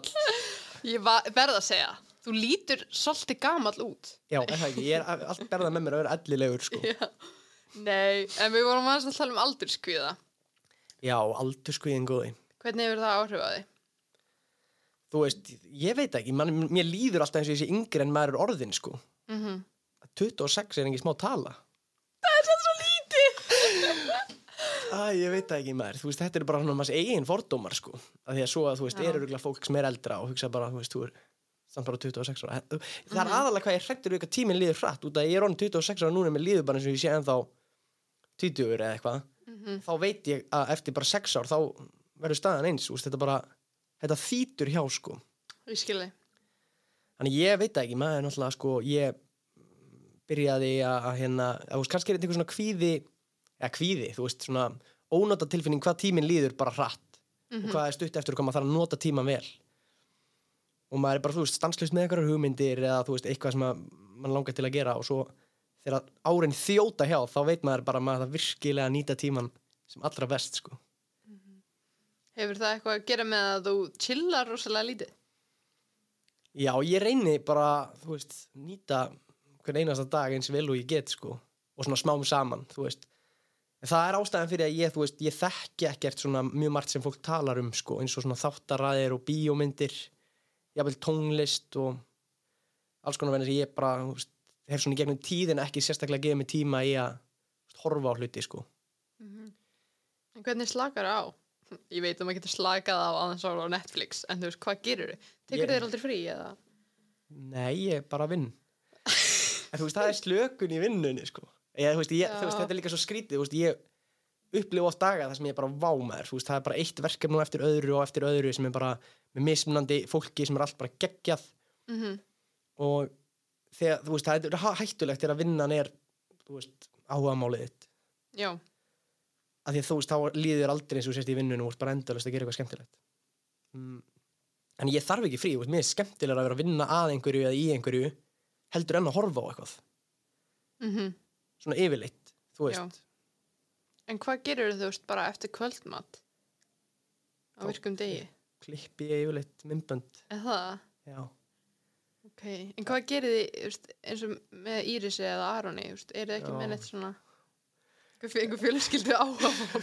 við reynum en uh, þú varst að ræða þetta við Írisi og ok. já, hún hefur stundum sagt við ættum kannski að taka eitt kvöld í Netflix Já. já, eftir að sjá það gerast á þessu ári Og þið gerir það bara aldrei, þið bara, vá, ok. nei, við gerum það ígil aldrei sko Þið eru alltaf að vinna eftir kvöldmat líka þá? já, vinna samt í einhverju skemmtilegu Þetta Já, er já, já, ég er ekkert að... Er ég, bara hef lendið, forvitin. sko, ef ég tek kvöld og horfi kannski á einhverja bíómynd, þú veist, þá læðist alltaf að mér svona eitthvað samviskubitt yfir því að ég gæti verið ok. að gera eitthvað annað. Eða, eða ég þurfi að vera að skila einhver að mér en ég er bara að taka tvo tíma kannski bara eitthvað að horfa á eitthvað. En svo er þetta líka, ég menn það er útrúlega margt sem ég langar að sjá og ég hugsa í alvöru, sko, að ég muni bara eiga inni þegar ég er bara orðin gamall. Þetta er svona eitthvað hugsa sem, veist, ég íti bara eitthvað, já, þú veist, ég veit að hérna Game of Thrones er örgulega geggjastöf eða eitthvað skilur þú veist, Mhm. margar þáttar er, ég ætla bara, veist, þegar og ef ég hætti að vinna einhvern tímann, þú veist, sem gammal maður eða eitthvað, þú veist, þá get ég bara hort á þáttar að er alla daga og notið þess þá mér finnst bara, þú veist, núna þegar maður er bara eitthvað á fullu og bara finnst mér svo mikilvægt að reyna allavega að gera mitt besta til að gera það sem ég langar til þess að gera því að það er bara það sem ég brenn fyrir og, þú veist, Ég veit það ekki. Já, nei, mér finnst það áhugavert, sko. Ég, já, mér finnst það mjög áhugavert, sko, því ég held að flestir horfi á Netflix á hverjum degi. Þú veist, ekkert í tvo klukktíma, skilur, en Nei, þú veist, finnst alveg, mér finnst eins og flestir, þú veist, horfa á eitt þátt eftir matinn eða, eða eitthvað svoleiðis, þannig að þetta er mjög áhugavert, sko. En, en finnst þér ekki taka neitt, þú veist, innblástur úr eins og efni, eins og ég horfa á þáttundagum sem heita The Bold Type, er á Netflix núna. Ok, og ég bara mæli með fyrir að þú veist, þetta eru sko skemmti þættir já, en þetta er bara um ungar konur sem er að gera svo geggja hluti og maður bara svona sér hvernig þær takla lífi og þetta er mjög svona að mér finnst þetta mjög skemmtilegir. Ok. En á sama tíma var ég svo innblásin af þeim af því að þær Já, voru bara svona að sækjast eftir því sem þær vilja og voru bara að gera þetta og svo bara mistakast þær og svo gera aftur og þú veist, eitthvað svona. Og ég var bara svona, yes, ok, eitthvað, ég ætla bara að gera þetta líka, þú veist, ég er bara eins og þær. En þú veist horfur aldrei á efni fyrir innblástur sem er samt kannski skemmtileg ég fer kannski á misvið eitthvað hana að því ég er alveg sammála, ég myndi öruglega þú veist, og það er mjög oft sem að er eitthvað svona, þú veist, fólk er að reffi eitthvað eða þú veist, mm um, finnst eins og bara allir að sé þetta eða eitthvað skilur og ég hef ekki séð það og veit ekki hvað er verið að tala um sko. um, ég en væri til í að gera kannski meira af þessu þú veist, kannski finnum maður meiri balans á þessu öllu saman þegar framlega stundir sko. Um, en ég meina þú veist þá auðvitað eru þú veist, ég fer alveg í bíó þú veist, það kemur alveg fyrir. Ó, bíó, passaði uh, og þú veist, það hefur alveg gerst ég tjekka á einhverju sko og Já. þá fæ ég yfirleitt mjög mikið innblástur en svo Já. held ég líka, ég meina maður tekur innblástur bara frá öllu, frá fólkinu kringu sem maður er að vinna með og eitthvað, en ég fæ kannski öðruvís innblástur og Mhm. á svo inni eitthvað alls konar stöf. Og ég meina af og til þá tjekka ég á e, þú veist, einhverju sem einhver mæli með og þú veist, ég alveg sé góða myndir og þú veist, einhverja góða þætti en Já, já, en ég meni þetta er svolítið líka bara alveg til fyrirmyndar held ég fyrir marga þú veist, minga allavega sjónvarps gláp og svo leis já, en ég meina svo er þetta kannski bara, þú veist, bæði. Já, kannski mætti ég auka skrítið að segja einhverjum að auka sjónvarps áhorf. já, kannski horfa á eitthvað einhver tíman Já, allavega slaka á, á einhvern hátt. Já, já, já. En ég reynir náttúrulega líka, þú veist, eins og ef ég er að vinna í einhverjum verkefnum mm að þú veist, finna einhvers konar slökun í þú veist, það er ekki alltaf bara upp á sviði eitthvað að djöblast, þú Já, veist. Já, já, það er að segja, þú veist, ef ég er kannski að gera einhverja tölvuvinnu, þú veist, skrifa eitthvað eða, þú veist vinna einhverja myndir eða e- eitthvað, þú veist þá, þá er ég að gera eitthvað en, en kannski ekki svona, ekki hárri orku.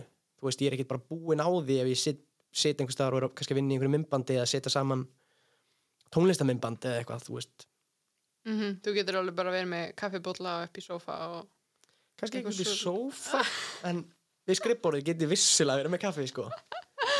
Ok, ok, ok. Heldur þetta hafa eitthvað svona þessi aldurskviði með að gera því að þú ert náttúrulega giftur og ert bad og ert ekki eitthvað ungur til þess en þú ert samt svona í yngri kantinum, skilur mig? Mm. þú veist, það er ekki margir sem eru 26 ára uh, og giftir. Þú veist, eða þú veist þá 25 Já, já, 25, ég er bara nýjórinn 26 já. Þannig að þú veist 25 ára, en það er alltaf ekki of ungt eða ungt eða eitthvað þannig skilur, en þú veist, það er samt það er samt snemt miða við æ, fattar hvað ég meina? Já, Þú veist, það er ekki margir sem eru giftur á þessum aldri það er samt ekki eitthvað, ég er ekki að segja þú veist, það er ekki eins og það hafi verið tvítur giftur en ég er ekki meina að það hafi gert þetta snemma en þú hefur samt svona þegar tíminn kom þá greifstu það bara og gerði þetta. Já, já, já, fattar hvað ég meina? Algjörlega. Heldur að hafa eitthvað verið að eitthvað hafi gert með aldurskviða bara að ég var að gera þetta núna. Já, þú veist, það er bara þetta er eitthvað sem ég langaði alltaf til að gera og af hverju ekki bara en bara þegar geggjað maður finnur það í hjertan að maður langaði það og, og, og hérna já, ég, ég held að. Mér finnst það snilt sko ég bara, ég man eftir bara frá því að ég var lítill sko, þú veist að, eða þú veist, bara, bara þegar ég var 10 ára, það fannst mér erfitt að vera 11 ára. Þá sagði ég alltaf eitthvað, já, ég er 9 ára en 11 ára. En samt næstu því 10 ára. Eða þú veist, eins og ég gerir núna eitthvað. Þú veist, svo er ég líka eins og með veist, þetta er kannski bara skrítið nú að fólk bara ha? Ég, þú veist, ég hugsa alltaf í númerum skilur mér 25 vera flottar í tal en 26 Mhm. næst er ég eiginlega orðin spenntur fyrir að verða 30 ára sko. Tölulega, þú veist. Já, um, en nú er eitthvað svona, að ég er ekki lengur 25 ég er ekki lengur yngri en 25 og það er margt svona, það er alls konar. Um, bara svona, hvað sem er skilirði eða eitthvað svona, það er oft 25 ára og yngri. Er eitthvað svona Já. ungt fólk, skilur þess vegna var kannski högg að vera ekki lengur ég er ekki lengur ungt fólk einu sinni núna. Já, tólk gammal já. En ég meina svo, þú veist, finnst mér þetta allt gaman mér finnst líka gaman bara mér líður bara mjög vel, þú veist Já. þar sem ég er núna, þú veist, þetta er ekki þannig en þetta er alltaf eitthvað svona, ég veit það ekki. Kannski vil maður vera Peter Pan. Já, það verður náttúrulega fínt en sko ekki að það ætla að vera komið einhver ráð eða neitt en mér finnst bara svo það er bara svo mikið forréttindi að fá að eldast. Algjörlega, ef maður pælir í bara eitt ári viðbót bara Einmitt. vá, ég er að fara að vera 24 ára ég er bara, ég er að fara að vera 24 ára þú veist, sumir fá bara að lifa þangu til þeir eru bara 14 ára. Algjörlega. Þú veist, já, það er svo mikið forréttindi bara, skilur algjörlega. Og svo er þetta líka öfugt skilur svo, af því að svo hlakka ég til líka eitthvað. Já, ég, þú veist, ég hlakka til að sjá hvernig ég verð 35 og hvernig lífi verður þá og hvað verður búið að gerast og er að, þú veist, strákurum minn verður stærri og þú veist, öll þessi tímabil eru mér skemmtileg. Mm -hmm. þannig held að, þú veist, þetta eru bara svona lífspælingar í báðar Já. áttir, þú veist, ég er líka sp- spenntur fyrir framtíðinni á alls konar levelum og líka bara, wow, hún kemur svo hratt, þú veist, það er kannski freka það já, ég skil alveg hvað meinar þetta líður svo hratt. Já, og þetta er kannski, þú veist, á endanum er þetta bara held ég eitthvað svona sem að ég held að margir tengi við, þú veist, bara hvað lífið er stutt og maður fattar það betur og betur með hverju árinu, þú veist, hvað er takmarkaði tími, mm hvað þetta líður allt hratt og þú veist, ég bara, þú veist, ég, ég skrifa stanslust niður ef mér dettur eitthvað í hug, núna ger ég það bara í síman, þú veist, -hmm. ef mér svona notes þar, ef mér dettur eitthvað hugmyndir í hug, þú veist, og svona í gegnum árin, þú veist, það veit ég bara hugmyndin er orðnar fleiri heldur en að ég bara næja að framkvæma bara fræðilega, bara á meðan ég lifi, skilur og veist, þegar maður finnur það og maður er bara, já, heyrðu, ef ég á starfsæfi eftir sem er kannski 30-40 ár í fullu fjöri eða eitthvað, veist, Mhm. vonandi bara sem lengst, ef, ef mér ber gæfa til að, veist, eldast og verða gamall, sem er Mhm. náttúrulega ekki sjálfgefið og Nei. eitthvað, en þú veist, þá vil ég nýta tíman og grípa tækifærin Grípa gefast. Já, algjörlega sko heldur að, hvernig heldur þetta tengist í að, að þú notir eiginlega ekkert samfélagsmiðla Ég veit það ekki. Nei, Ég bara finn voða lilla þörf fyrir að, þú veist, deila stanslust einhvern veginn lífið minu. Að, þú veist, ég leita ekki viðurkenningu á samfélagsmiðlum svona alla jafna, þú veist. Mér finnst þetta gaman, þú veist, og af og til þá tek ég svona skorpur og þú veist, ef ég er að taka þátt í einhverjum sýningum þá deili ég efni frá því en hérna, og er náttúrulega í samskiptum hana en ég reyni svona, þú veist, að takmarka veit það, ég bara finn ekki þörfina. nei, þetta er kannski eitthvað eins og með sjónvarpið, finnst þetta að vera pínu tímaðisla eða Já, en ég meina svo skoða ég stundum eitthvað svona en ég er aldrei lengi einu inn á Mhm. þessum miðlum sko. Hefur þið reynd tímann dotti í huga bara, heyrðu bara, gera þetta í gang 10.000 followers og ég ætla bara að fá fullt að tekjum Aldrei til að fá tekjur, meira kannski til að veist, láta fleiri vita bara, veist, ég held að í dag í þessu samfélagi sem við lifum í þá er það verðmætt að vera með fylgjendahópa og ert í verkefnum að því að þú veist, þá getur þú í rauninni auglist eða látið fleira fólk vita af því og það, það eigur aðsók Já, þú veist, ég hef pælt í út frá þeim forsendum að geti verið kannski sterkur leikur að vera með aðeins fleira því ég hef ekki verið að sapna fylgjendum og er ekkert með marga fylgjendur eiginlega á neinu svona. Mm. Þannig ég veit ekki, það er bara þetta spáði, kannski ger ég einhvern tímann, þú veist, tek mig á. Já, en það er svo Í sem þessum ekki eins og málum. þetta sé eitthvað að háðir að fá verkefni. Nei, mér finnst líka bara gaman að þú veist vera að gera alls konar hluti og vera ekkert endilega að láta, þú veist finninga þörf til að láta fólk stanslust vita að ég sé að gera eitthvað. Og þá veist það er bara gaman ef og þegar að ég kem fram í einhverju eða eitthvað, þú veist, þá sér það bara fólk já, hann var að gera þetta, þetta. Mm já, mér finnst gaman að lifa bara lífinu, þú veist, í núinu með, með þeim sem ég er og þú veist, ég ég held líka svona, þú veist, að eins og er bara oft talað um, þú veist, ég hef hlusta á svona spjöll það sem að fólk er að tala um, þú veist útlitskröfurnar og þú veist, þetta er ég að segja oft, þú veist Nei, það skiptir engum máli. Ég vil örgulega heyra það eftir á hlusta, sko. það var bara, að nei, nei, nei, nei, nei. Maður verður að passa að vera ekki ofharðu við sig, sko, algjörlega, ég held að, veist glansmyndin sem allir setja ég set náttúrulega, bara, ef ég set eitthvað inn sem ég gerir ör sjaldan, þá vel ég náttúrulega góða mynd og ég held að allir gerir það. Meira og minna. Þannig ég get líka alveg skilið að þú veist, það látur mann ekkert líða vel að hanga stöðugt inn á bara Instagram eða TikTok eða eitthvað.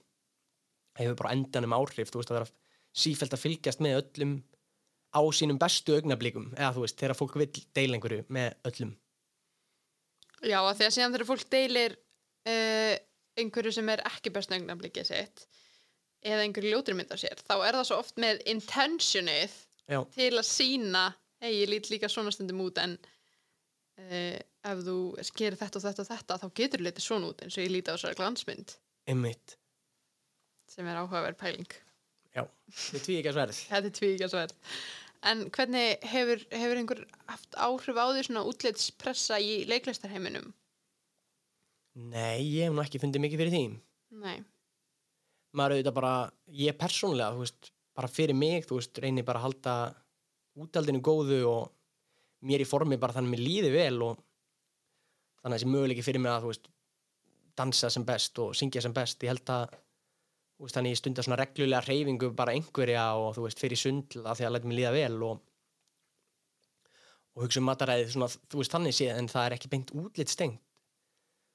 Um, og svo er náttúrulega fólk, þú veist, í öllum stærðum og gerðum og þú veist, í mismunandi formu okkar, ég held að hjálpi svona almennt sko, veist, sviðslista fólki að vera me- með gott útald og þú veist, maður þarf að vera svona reyfanlegur og þú veist því að maður er í þessum, þessum geira valdi sér þetta starf það bara svona allavega fjölgar tækifærinum og, og hlutverkunum að maður sé svolítið sveigjanlegur og veist, allt þetta.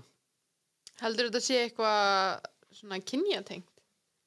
Veit það ekki, ég get alveg ímyndað mér þú veist að, að kvenkinnið um, upplifi jafnvel meiri svona, þú veist, pressu út frá oft þessum glansmyndum, þú veist, ef maður skoða bara þú veist, stjörnunar eða fyrirmyndinar um, þá kannski mikið í gegnum þessa samfélagsmiðla þá sér maður að það er kannski me meiri filterar þar á þess að ég veit að, þú veist, me meira lagt í myndinar, þessar svona glansmyndir kannski minna hjá strákum ég, hvað finnst þér? Já. Já, ég veit ekki hvort það sé líka bara pæla minn í þessu. Það var kannski bara stundum meira sjálfstrestur að vera bara, æ, fuck it, ég er bara svona, eða Já, tala minn um þetta, ég veit ekki og, og þú veist. Algjörlega, svo er það kannski einstaklingsbundi svo eru kannski einhverjir strákar sem finnst Já, pottet strákum sem-. Já, pottet, pottet, pottet. mér finnst bara alveg persónulega, veist, bara gott að vera þægilegur veist, vera í þægilegum fötum sem ég líður vel í. Mm pæli ekki of mikið í einhverju svona útlistengdu. Fyrir En- þetta náttúrulega þegar ég var 26 ára þá byrjaði ég að nota hrukukrem Er það? já, svona maður vil halda sér náttúrulega ungum og ferskum, sko Þetta er, svona lúmsk útlits. já, svona pressa. lúms Já. ég veit ekki, ég byrjaði að taka svona kollagin á ára gott ég er alltaf Já. sökkar fyrir svona auðl, þú veist, ég elska auðlýsingar Já. og svona, þú veist, ef ég, ef ég lesa okkur krem Mhm. ég, þú veist, lesa á kremum í apotekum eitthvað svona inni, að- svona hvað þau eiga að gera, þá er ég bara, mér langar í öll þessi krem ég nota samt ekkert mikið af krem sko, bara, bara Nei. rakakrem sem að á svona að halda manni unglegum en byrjaði á 26 ára ammælistæðinum Akkurat, það er náttúrulega, tvita sér, pínu seinn. já, Það er eiginlega átt að byrja aðeins fyrr. er það? Nei. En hérna líka retinól, mælum við því. Býttu? Ég skal segja frá þessu eftir, ég skal sína þér en mæli með að nota réttirlum maður verður að fara mjög varlega í það sko að þetta er mjög stert efni en það, Ok. it does wonders þannig Já, að já, já. maður verður svona að finna svona styrkleikan sinn og byrja hægt og allt svona Ok, ég er ekkert, er þetta eitthvað svona skincare, eitthvað svona Já, húðum já, þetta er svona serum svona, sem maður getur sett, Já, en já, það já. getur líka verið í einhverju kremi Allavega, ég skal sína þér það eftir, ég held að það sé ekki mjög áhugavert að hlusta á það, en hérna mæli Ég er ekki. Ég mæli með því, ekki að þú þurfur að því halda en ef þú ert svona, þú veist er á mig og sagði þetta, nei. En þú veist, minnst ein áhugaverð pæling ef að, að því að nú ertu í góðu formi og lítur út eins og það hafi verið mjög lengi í góðu formi finnst þér, heldur að þú væri jafnvel confident með útlitið ef þú væri kannski 10 kílóum þingri eða 15 eða 20 kílóum þingri Ég uh, veit það ekki. Það er kannski erfitt að segja. Mhm. Ég rokka samt alveg smá svona eftir tímabilum, þú veist, upp um, þú veist, 5-10 kíló þessuna, sko. Mhm. Fer svona svolítið eftir nákvæmlega í hvaða verkefni mér og svo kannski sömar og, og ég er ekki á sviði í 2-3 mánuði og bara borða góða mat eða eitthvað og bara þægilegur. Þá líður mér vel. en, en hérna, já, með því að láta ekki of langan tíma líða, þú veist, þá held ég mér bara eins og ég vil vera ég held að það sé bara miss eða hérna nöðsynlegt, þú veist, bara hver og einn bara gerir það sem þeim finnst það sem þeim líður sjálfum vel með að Já, gera. 100% um, ég reyna að bera ábyrð á sjálfu mér að þessu leiti að þú veist, ég hreyfi mig eins og mér finnst ég þurfa og eins og mér líður vel með. Algjörlega. Hvað sér, hvernig líður þér svo eftir þú veist, fulla sýningar helgi og ég, ég þekki það að þegar maður er búin að vera sína og sína og sína og það er allt í geggjað, geggjað og svo ertu bara búinn og það er svona pínu krass, þú veist, það er enginn að horfa þig lengur, það er enginn að klappa fyrir þér, þú veist, hvernig ertu að höndla þetta? þú ert að tala um venjulega lífið Ég er að tala um venjulega lífið. Já, það getur stundum verið erfitt.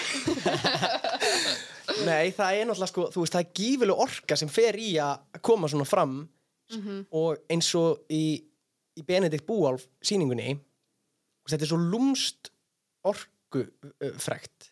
Já. Þetta krefst svo mikils af þér, þú þarfst að vera svo mikið á tánum og gefa svo mikið.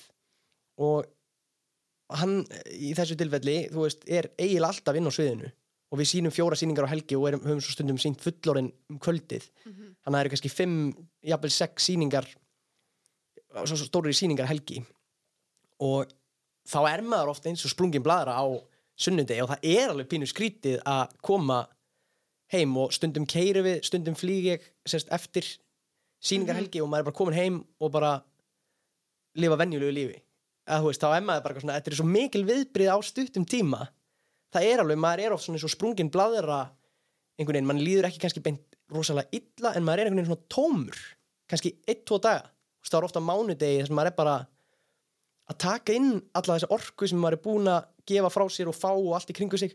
Og þetta gerist allt svo hratt, maður mætir upp í leik og það er allir í stuði, að, veist allir eru hressir og svo mikið gleði og veist, í þessu tilfelli er, er ég, veist, brosandi allan tíman, hann er svo glaður hann Benedikt. Um, fullorinn reynir líka mikið á að endalust, það er hröð búningaskipti stanslust eilinn á sviðinu, alltaf ný og ný persóna og þetta eru krefjandi dansar stundum hraðir og fullt að muna. Já, þetta er sko þetta er skrýðin tilfinning að því að svo einmitt fer maður í venjulegt líf. Það er bara að þrýfa barnaðilu næsta dag. já, en mér finnst það alveg næs þú veist, að lifa venjulegu lífi það er ekki það, og þú veist, taka við vélinni og eitthvað, ég, ég finn mér líka alveg í, í, í svona praktík sko, þú veist uh, og auðvitað þarf að vera eitthvað samspil en það er svona alveg fyrst, þú veist, það eru svona skilin sem það eru skrítin og ef maður gefur sig, þú veist, allan fram eins og ég reyna að gera í öllum verkefnum þú veist, og hverja einustu sýningu þú veist, ég gef mig allan í það. Legg eins mikið á mig og ég get og gef eins mikla gleði frá mér og ég get þá þá erum maður tómur, það er nú bara svo leiðis ég held að margir tengi við þetta, tengið þú ekki við þetta þegar þú ert jú, ég tengi mjög mikið við þetta, sko. Maður fær svona, þú veist, já, einmitt, þetta er ekkert langur tími, en þetta eru kannski einhverjir, þú veist, klukkutímar eða mínútur eða dag, dagur eða eitthvað, maður er bara svona, oh, ég fæ ekki að sína aftur fyrir en eftir, þú veist, viku eða tvær vikur eða eitthvað, bara svona, þetta er svona, já, að því maður er vanur að fá svo mikið, þetta er svo, þetta er svo mikið strax aðtigli að fá, eða strax svona, orku feedback að fá bara klapp og bara wow, og svo bara allir sýningarna bara gegja, skilur og svo er maður bara eitthvað svona, ok, nú er ég bara komin heim, já, beti, ég er við styrstu, ég er að taka allt þetta make-up á mér. Þetta er smá svona eins og þú lýsir, þetta er maður svona smá tóm, maður er svona hádramatískur í smá stund algjörlega sprungin bladra já, og þann, en þetta reynir maður bara að vera eins léttur og maður getur, þú veist. Og, og eiga eðlileg samskipti. En maður er svona, svo það maður að hlaða batterín og koma aftur. En þú veist, ég held að maður verði líka háður þessu sem er kannski ástæðan fyrir að við erum í þessum bransa mm um, að því þetta er svo mikil og skemmtileg orka að vera í og vinni í og algjör forréttinda vinna. Já, að hérna, maður sækir í þetta skilur og þú veist, mér líður alltaf bara best á sviðinu. Það er algjör svona núvitund að vera bara algjörlega í karakter eða þú veist, maður er algjörlega á staðnum, á sviðinu að gefa frá sér einhverju orku í einhverju samtali við áhörundur ef það hefnast vel, þú veist, það geggja og ef maður er í skemmtilegu verkefnum með skemmtilegu fólki að bara, þá er ekkert skemmtilegur í heiminum. Mhm. Þannig að auðvitað maður, maður hlakkar til að komast á sviðið aftur og þetta er fíknin þetta er fíknin Þetta er víknin. En hvernig liður, þú veist, ok, þú, ert- þú ert í þessu tómi, þetta er þessum tóma stað. Hvernig liður þegar þú ert síðan að fá hrós eða spurningar eða eitthvað svona tengt sýningunni? Ertu, veist, ertu tilbúin að taka móti þegar það kemur, þegar þú ert inni í þessu headspacei? já, ég svona hef lært að tilenga með það þú veist þannig sé ég reyna að vera með svona jafnaða geð og þú veist ég er aldrei eitthvað fúll eða þú veist leiðilegu við fólki kringum mig og Nei, auðvitað, þú veist, ef einhver er að spjalla við mig um sýningarnar eða tala um mig þá bara ger ég mitt besta til að halda orkun uppi og, og vera næs Mm en auðvitað er náttúrulega líka fullt sem býður mín svo þú veist bara heima hjá mér eins og sonu minn sem ég elska og svo þú veist kona mín og, og þá bara ef ég, þú veist þá fyllir það mig líka gleði og, og lífsfyllingu Já, þetta er er bara svona ákveðið shift. já, þetta er bara, veist, þetta er eins og þegar maður er að skipta um gýr bara hana rétt á milli, maður er bara, bara taka inn þetta er búið. Og þá er náttúrulega geggið að vita líka, um næstu helgi þá gerum við þetta aftur. Mhm. og þar næstu, og þar næstu. Og veist, næsta árið eða eitthvað, þegar vil gengur. Já, en svo snýst þetta náttúrulega um veist, hvernig maður hugsa um sig á milli helga og þú veist, maður þarf bara gera uppbygg, uppbyggilega hluti og láta sér líða vel. Þegar maður er ekki on it á sviðinu þá þarf maður samt alltaf að vera veist, tilbúinn og gera sitt besta og þetta náttúrulega er mjög krefjandi fyrir eins og röddina að vera í svona stanslausir í kyslu og hún er oft mjög þreytt á sunnundaskvöldum og bara ég næstu eins og ég sé rámur en það er bara af notkun og kyrslu þú veist og á mánudeginum eftir sýningahelgi þá bara næstu ekki eins og með sé veikur kannski en maður er rosa þreyttur í rattböndunum og þá skiptir bara öllum mála að reyna að hugsa vel um sig og nágóðum svefni og veist, þá byrja, er ég byrjar að tilenga mér hluti sem ég finnst hjálpa til við að ná endurinn þannig ég geti verið sem bestur eða svona í mínu besta ásikomunlægi fyrir næstu sýningarhelgi. Bara, þú veist, ekki drekka kaffi og sent á kvöldin, þannig ég ná að sofa því að það skiptir miklu máli og veist, næs að fara í sund og drekka mikið vatn og taka vítamin og allt þetta því að maður þarf að vera á tánum og tilbúin þegar maður þarf að vera með röddina góða, þú veist, því að svo er maður ofta kannski að talsetja í meiri viku og þá þarf röddin aftur að vera búin að ná sér algjörlega og maður þarf líka hugsa um hvernig maður beitir henni og nota henni ekki of mikið á milli sýninga, þú veist, ekki fara í veist, á milli sýninga þú veist, á lögataskvöldi þegar það eru tvær sýningar á sunnudegi og nota röddina mikið að fara seint að sofa eitthvað, það myndi hafa áhrif og skemma upplifununa. algjörlega. Þá kemur chilliðin. Þá kemur chillið sannlega. Herru, þú varst með einhver svona pep hugs fyrir okkur. Já, þú ég- ert náttúrulega byrst í bandaríkunum. Já, já, ég var í skiptin á með það reitt ár Já. og það er náttúrulega sko, það er þessi kvót ég er smá svona, þú veist, mér finnst svo gaman að það voru plakkat út um allt með eitthvað svona svona hérna alls konar svona inspirerandi svona tilvitnunum Mm og kvartningarorðum og allskinn svoleið sko. það fannst mér svona, þú veist, það var bara í skólunum á öllum veggjum, í öllum kennslustofum Það- þau eru rosa mikið þar Já. kaninn sko Svolítið íkt í þessu, eða ekki? Jú. En ég fílaði þetta vissu leiti, þú veist og ég man á tímabili var ég með bara Twitter svona reikning þegar ég bjó úti sko Já. og sem var bara svona sér, þar sem ég followaði bara, var bara að fylgja svona aðgöngum sem að voru með svona alls konar góðum setningum Ah. Þetta var mikið hags. En, svo var ég nefnilega að fatta eitt um daginn. Ok. um, sem ég geri, ég veit ekki hvort fólk gerir þetta mikið kannski er þetta eitthvað sem að ég var að fatta hverju leikilorðin mín eru Já. á samfélagsmiðlum og þú veist, bara e-mailinu mínu og eitthvað Mm. eftir og ég hafði aldrei pælt í þessu Svo þetta orðin sem þú notar mest eða eitthvað svona sem lýsir þér. eða einhver markmið, eða bara alls konar Já, já, já. um, ég held bara frá því ég var lítill sko, eh, bara passvordum mitt á, á e-mailið mitt er til tjók en hérna um, með því að til dæmis þurfa að skrifa það inn nú er reyndar það maður kannski að gera það sjaldnara þegar maður er svona nú Já. þegar sko um, inn á mörgum af þessum reikningum Mm en þegar maður þarf að skrifa þau þá er ég með eitthvað svona eitthvað svona sem peppa mig upp Já, bara, já, bara password, bara ég líkilorð. er að tala um leikilorðin ég er að Ég tala sko um verið með eitthvað svona líkilorð mín í lífinu eru hamingja. Uh, Nei, nei, nei, nei, ég er að tala um bara Já. leikil orðin sem þú skrifar inn Já, ok. maður þarf til svo ofta að gera þetta að maður opna tölvuna sína Já, já, já. ég held að já. fólk geti pælt í þessu þú veist, ó nei, komið mækin Það er óþægilegt. Uh, þú kæri hlustandi, vonandi fór þetta ekki mikið í eyrun á þér. nei, sem betur fyrir var þetta svona mjúkt, Já, mjúklegt þetta skiptir engum máli. En já, ok, já, það, já, áhugavert. þetta er sko haxið sem var þetta hug og ég svona eftir á, ég, ég veit ekki hvort þetta hefur einhver áhrif en ég hefur bara svona ómeðvitað verið með einhver svona leikilorð Mm á aðgangana mína og bara Facebook og þegar ég opna tölvuna mína hverjum degi þá þarf ég að skrifa eitthvað pepp Þetta er áhugavert. ég hafði aldrei pælt í þessu, svo var ég bara eitthvað svona já, gerir fólk þetta almennt Nei.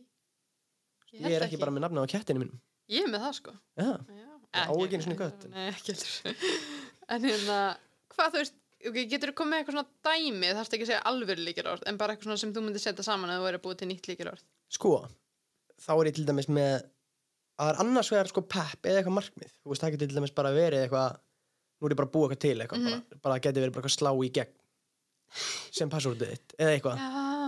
ég hef ekki verið með akkurat það og ekki bróða þetta á Facebookinu mínu, en til að komast þar inn eða til dæmis, Já, já, já, ég skil hvað minnar. bara gefa allt Já. Vá, góðar hugmyndir sem ég með, nú er margir bara eitthvað, ég breyti þetta. Æ, skemmtileg, það er ógslag svona falleg hugsun eitthvað. Já, ég er bara að deila þessu hérna með hlustendum. Já, já, þeim að kostnaðalösu, þetta er pepp út í daginn. getur prófað þetta? Þetta er svolítið skemmtilegt að þá neyðist maður til einhvern veginn að segja þetta. Já, og maður kannski pælir ekki einu sinni í því, sko, ég hugsaði ekkert um þetta bara og svo allt í hennu bara, já, ég er með öll líkilorði mín, öll passvortin á allt sem ég fyrir inn á er eitthvað svona mismunandi og þú veist, Mm Þetta er papphaxið, gott að neyða sig til að segja eitthvað skemmtilegt, basically. ég meina, gæti verið bara eitthvað góður dagur, Já, gæti verið passvortið þitt eða eitthvað, kannski með stóru. G og stóru D já, og þú veist eitthvað, ég veit það ekki, og kannski fjarka í staðin fyrir aðeð, eitthvað, en þá pælir þú Einmitt. samt ómeðvitað, bara, þetta er góður dagur, akkurat. Ég er best forever. Forever með það er tilvalið, það er tilvalið. Heyrðu, Átni, þú ert alltaf frábær, þetta er búið að vera algjör snild, bara takk herlega fyrir að koma. Takk hérlega fyrir að bjóða mér, gaman að koma.